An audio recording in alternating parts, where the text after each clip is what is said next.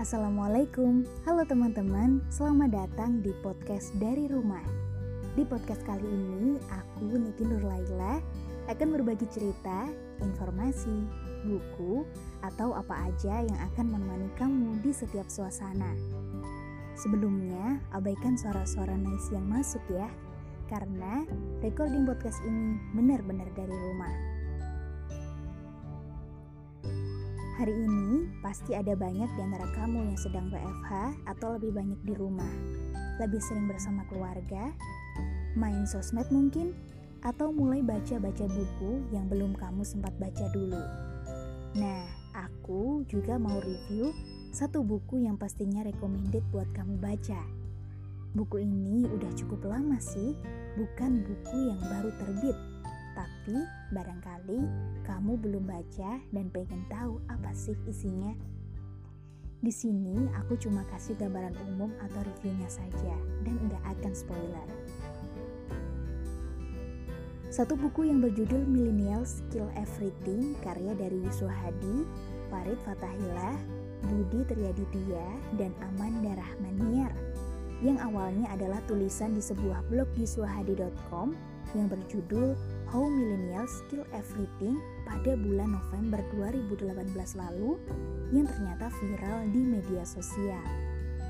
Dan buku terbitan Gramedia yang aku baca ini udah masuk cetakan ketiga di Agustus 2019 lalu. Keren banget kan ya? Sebelum masuk ke isi bukunya, kita bahas dulu si penulis ini. Kalau dengar nama Yuswa Hadi, pasti kamu yang suka banget di dunia bisnis merasa tidak asing. Yap, sejak tahun 1999, ia udah menulis sekitar 50 buku mengenai bisnis dan pemasaran. Di antara bukunya ada bestseller marketing Tun the Middle Class Muslim 2014, 8 wajah kelas menengah Indonesia di tahun 2015, dan masih banyak lagi. Sedangkan tiga penulis lainnya yaitu Farid Fatahillah adalah bisnis analis Inventure dan juga salah satu penulis buku Gen M. Ia pun juga sering melakukan riset pasar terkait perilaku konsumen kelas menengah Indonesia.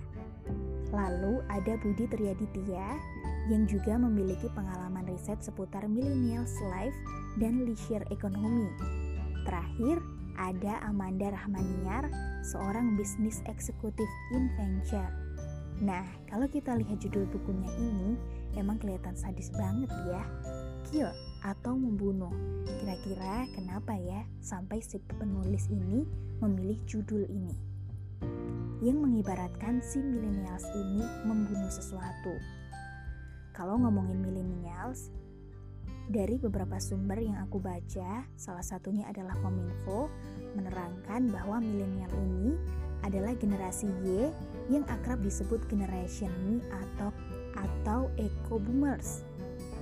Para pakar pun menggolongkannya menjadi generasi yang lahir pada tahun 1980 dan 1990 yang menurut buku ini mereka adalah generasi yang terkena pengaruh exposure digital atau dengan kata lain perubahan perilaku yang dihasilkan generasi milenial bersifat disruptif terhadap perilaku generasi sebelumnya. Dalam buku ini nantinya kita akan disuguhkan 50 bagian berupa produk, layanan, perusahaan, industri, bahkan kebiasaan yang akan ditinggalkan milenial karena bergesernya perilaku dan preferensi mereka secara ekstrem. Buku ini bukan cuma kasih kita gambaran tentang bagaimana dunia dirubah oleh generasi milenial, tapi juga kita pun disajikan data atau grafik terkait dengan riset-riset yang mendalam apa pun yang dirubah oleh milenial. Salah satu yang menurut aku paling menarik adalah di bagian 42 di mana pandangan para milenial tentang menikah. Menurut buku ini, pergeseran pandangan milenial terkait usia menikah antara generasi milenial dan generasi berikutnya juga pandangan tentang konsep pernikahan dari tradisional ke kasual. Selain cara pandang yang ada di sini, disampaikan beberapa produk yang akan ditinggalkan oleh milenial, seperti album foto, agen perjalanan, dan masih banyak lagi. Yang menarik lagi dari setiap bagian bab buku ini akan diakhiri dengan marketing listen learn yang akan memberikan pelajaran buat kita. Buku ini emang kelihatan agak serius, tapi banyak hal yang bisa kita ambil, khususnya buat kamu yang punya bisnis, pemilik brand, dan juga marketer.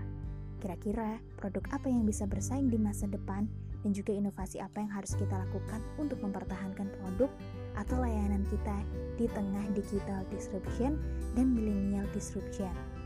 Nah, itu dia. Menarik kan? Kalau kamu penasaran tentang buku ini, kamu bisa dapatkan dengan harga 98.000 di toko buku terdekat. Itu tadi edisi podcast kita hari ini. Kapan-kapan kita bahas buku lain ya, khususnya buku baru atau buku lama yang bisa jadi referensi buku bacaan kamu. See you, tetap aman, tinggal di rumah, dan tetap produktif. Assalamualaikum warahmatullahi wabarakatuh.